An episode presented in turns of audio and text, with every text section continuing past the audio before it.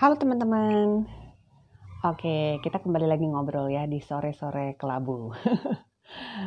Kalau kemarin aku udah sempat bahas kenapa aku memutuskan untuk do prudential business. Kalau sekarang uh, aku pengen cerita sedikit kenapa aku memutuskan untuk berbisnis. Kenapa bukan jadi karyawan aja gitu dengan gaji tetap. Kayaknya enak banget kan? Oke. Sebenarnya aku pernah menjadi karyawan jadi waktu itu kurang lebih enam tahun ya aku menjadi karyawan di satu perusahaan yang cukup besar. Dan sebenarnya udah sangat nyaman enak banget. Hidup udah tertata dengan sangat rapi gitu ya. Karena programnya udah ketahuan bangun pagi berangkat ke kantor udah gitu ngantor sampai kurang lebih sore atau agak malam gitu ya. Terus sampai rumah pas udah gelap gitu. Ya sesekali pas masih agak terang. Dan udah pasti tuh akhir bulan udah ketahuan pasti akan terima duit sekian gitu. Mau kerjanya males atau enggak aman pokoknya terima transferan setiap akhir bulan. Dan manfaat kantor juga lengkap ya Maksudnya kita juga dapat fasilitas kesehatan dan sebagainya gitu ya, dapat THR juga, bonus tahunan. Dan tentunya nanti ketika kita pensiun di usia mungkin 55 atau 56 itu kita masih dapat tunjangan terutama buat PNS ya. Wah, istilahnya zona nyaman banget. Nah, tapi saya tetap memutuskan untuk berbisnis gitu untuk meninggalkan zona nyaman itu. Why? Pertama, ternyata selama enam tahun aku kerja di perusahaan, satu hal yang aku sadari, aku bukan tipe orang kantoran. Kenapa? Gak tahu kenapa deh. Mungkin karena sebenarnya di satu sisi aku punya hasrat untuk mendidik sendiri anak-anakku gitu ya. Jadi ketika setiap pagi aku mesti pergi meninggalkan anak gitu ya untuk stay di kantor seharian itu kayaknya enggak banget. Nggak tahu kenapa. Pokoknya tiap pagi tuh berat banget. Tiap berangkat di kantor itu pas di mobil tuh aku selalu ngomong sama suamiku oke okay, welcome to the jungle gitu ya. Ya dimulai lagi gitu. Pokoknya nggak tentram banget pada saat itu rasanya gitu dan entah kenapa aku kayak merasa, duh hidupku tuh bener-bener kayak robot banget sih. Tiap pagi seperti ini gitu ya. Aduh pokoknya Senin sampai Jumat itu udah bener-bener feels like robot gitu. Ya mungkin ini perasaanku aja. Pasti setiap orang berhak punya uh, pemikiran dan perasaan yang berbeda-beda. Tapi itu yang aku rasakan. Gitu. Jadi aduh kayaknya ini bukan gue deh. Kayaknya aku harus melakukan sesuatu Terus why business? Alasan yang kedua adalah ya erat banget kaitannya sama alasan yang pertama. Aku butuh waktu yang fleksibel. Kaitannya masih sama anak karena waktu itu baru banget jadi seorang ibu gitu ya.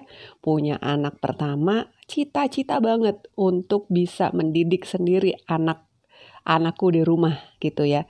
Yang apa namanya waktu itu aku sempat uh, menjadikan tanteku sebagai babysitter buat anakku selama aku ngantor dari pagi sampai malam. Dan di situ uh, aku melihat ketika aku mempunyai bisnis sendiri, tentu aku bisa memanage sendiri waktuku. Tentu aku bisa mengatur mengatur sendiri kapan aku bisa pegang anak, kapan aku bisa bekerja dan sebagainya. Jadi aku melihat Walaupun bukan berarti ketika kita punya bisnis terus kemudian kita punya waktu banyak, oh no gitu ya, bahkan malah sering kali waktu yang kita punya lebih sedikit.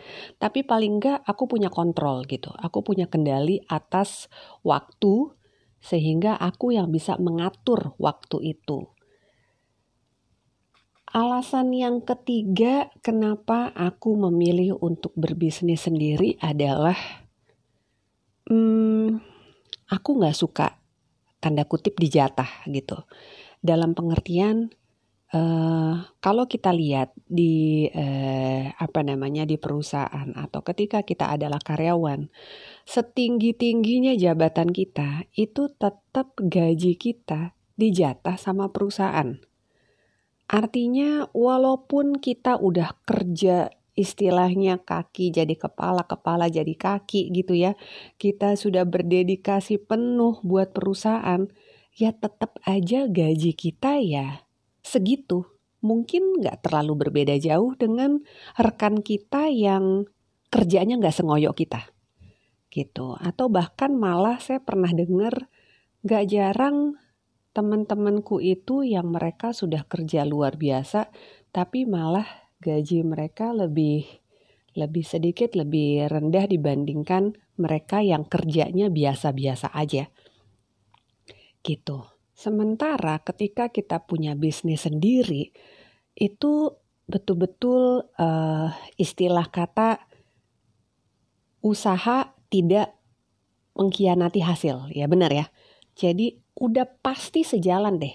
Kalau misalnya usaha yang kita kerahkan itu adalah 90, pasti hasilnya jauh lebih besar dibanding kalau kita hanya mengerahkan usaha 60.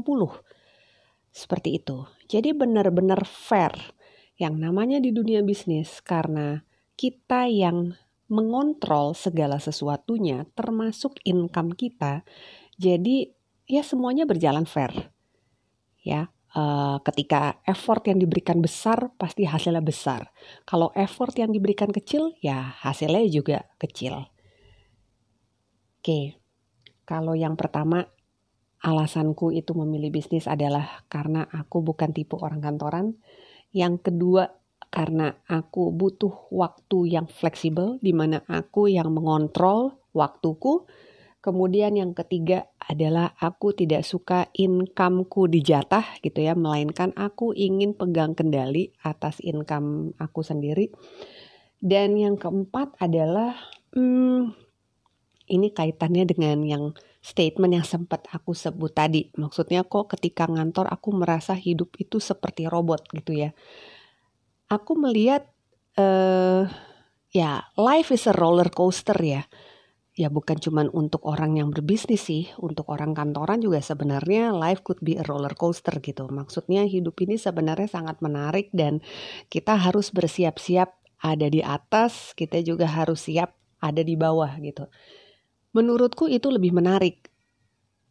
Ketika hidup itu berwarna dan ketika hari-hari kita itu bisa unpredictable, itu membuat hidup lebih menarik buat aku. Ya tentu ada limit-limitnya lah ya, bukan berarti terus aku men, aku challenge uh, hidupku terlalu apa namanya terlalu mengagetkan dan terlalu banyak surprise ya enggak juga gitu. Aku juga ada kalanya aku senang dengan hal-hal yang predictable gitu tapi uh, dengan berbisnis itu menurutku hidup lebih berwarna lah gitu lebih menarik dan lebih banyak challenge-nya dan kita bisa menyalurkan passion kita ataupun idealisme kita di situ ketimbang kalau kita kerja sama orang. Jadi um, waktu itu aku ingat banget jadi pertama kali yang resign dari kantor itu kan aku ya. Sementara waktu itu posisinya suamiku masih kantor. Terus kurang lebih selang berapa ya? Mungkin selang tiga tahun ya. Ya kurang lebih, no no no, selang dua tahun, tiga tahun setelah aku resign baru suami pun nyusul. Suami pun resign gitu kan. Dan ya waktu itu memang uh, suami juga udah kurang betah di kantor gitu ya. Dan waktu itu aku sudah duluan menjalankan bisnis uh, asuransi jiwa gitu kan. Terus ketika kita ngobrol-ngobrol, kita berunding, kita evaluasi, kita diskusi lah. Apakah suami perlu resign juga atau bagaimana? Waktu itu saya ingat banget uh, aku sempat mengucapkan statement itu. Kayaknya seru loh kalau uh, hidup itu uh, seperti roller coaster. Kalau misalnya nanti kamu resign, benar-benar kita nggak punya gaji lagi. Uh, apa namanya? Uh, ya walau ya at least kan kita udah punya uh, sedikit investasi ya. Tapi kan bukan berarti kita diem aja nggak ngapa-ngapain. Kan kita uh, bekerja keras untuk membangun bisnis kita gitu. Tuhan pasti nggak buta kok. Tuhan pasti berkati. Walaupun memang udah pasti di awal-awal itu kita nggak bisa yang istilahnya uh, mau tetap mempertahankan kenyamanan kita gitu loh. Misal tadinya yang ketika kita punya dua gaji, kita masih ngantor, dengan gampangnya kita bisa belanja ini itu ono ono segala macam gitu kan jalan-jalan tiap weekend apa segala macam gitu kan gak mikir tapi ketika kita sudah punya gaji nol dan kita membangun bisnis dari nol sudah tentu income kita di awal-awal nggak mungkin lah langsung sama dengan gaji kita dari kantor. Pasti ya merayap dulu gitu kan, bener-bener perlahan-lahan dari bawah. Nah, pada periode itulah ketika income kita belum bahkan masih jauh di bawah income dari kantor, tentu kita harus bisa mengencangkan tali pinggang. Nah, di situ aku melihatnya justru itu adalah sebuah challenge dan itu adalah sebuah kesempatan untuk kami sekeluarga sama-sama belajar. Dan ya udah pasti akan banyak tantangan dan udah pasti mungkin akan ada air mata di situ gitu ya. Tapi I don't know why gitu. Pada saat itu aku melihatnya itu adalah sebuah challenge dan ini adalah sebuah kesempatan bagus untuk kami berempat belajar. dan akhirnya betul suami memutuskan setelah kami diskusi dan kami sepakat pada saat itu pun suami pun resign dari kantor dan full time membantu uh, aku kita berdua menjalankan bisnis asuransi jiwa di Prudential. Dan tujuan terakhir atau alasan terakhir kenapa saya memutuskan untuk berbisnis instead of jadi karyawan adalah tentunya passive income gitu karena uh, aku ingat banget dulu jadi aku pernah ikut training salah satu perusahaan MLM terbesar gitu di Indonesia dan untuk pertama kalinya di situ aku melihat video uh, pembangunan pipa aku lupa nama tokohnya siapa ya ada dua tokoh di situ Vido dan Dido ya bukan ya bukan Vido Dido ya siapa gitu ya. Aku ingat ada video-videonya gitu deh ya. Atau Pipo, ya betul Pipo, Pipo. Si Pipo sama si temennya itu, mereka berdua uh, mengikuti sayembara kalau nggak salah untuk membangun untuk bukan bukan sayembara membangun pipa, tapi sayembara untuk uh, apa namanya untuk mengangkut air ya untuk mengangkut air dari atas gunung ke desa mereka gitu. Siapa yang bisa mengangkut air sebanyak-banyaknya dialah yang memenangkan sayembara itu. Dan temennya itu dia sangat kuat gitu ya. Dia uh, menggunakan ember dia terus mengambil air dari gunung untuk ditaruh di sumur di desa mereka. Itu jadi ada kali itu temennya itu bolak-balik bolak-balik ambil apa ambil air itu berapa kali bolak-balik gitu ya. Luar biasa sekali gitu. Dan uh, setiap kali dia berhasil memasukkan air ke sumur itu dia dapat dapat duit dapat duit dapat duit gitu ya pokoknya banyak duit yang dia hasilkan karena dia uh, ya dia bolak-balik aja seperti itu dari atas gunung dia bawa, dia angkut ember berisi air ke sumur di desanya gitu ya. Sementara si Pipo ini dia belum dapat uang sepeser pun karena dia belum berhasil mengangkut setetes air pun dari gunung ke sumur di desa mereka. Apa sih yang dilakukan oleh si Pipo? Si Pipo sedang membangun pipa, teman-teman. Dan tentu aja itu butuh waktu yang cukup lama, ya enggak? Tapi luar biasanya ketika si temennya itu udah mengumpulkan uang cukup banyak dan tentunya dia bisa beristirahat dengan enak gitu ya. Si Pipo masih banting tulang membangun itu pipa gitu.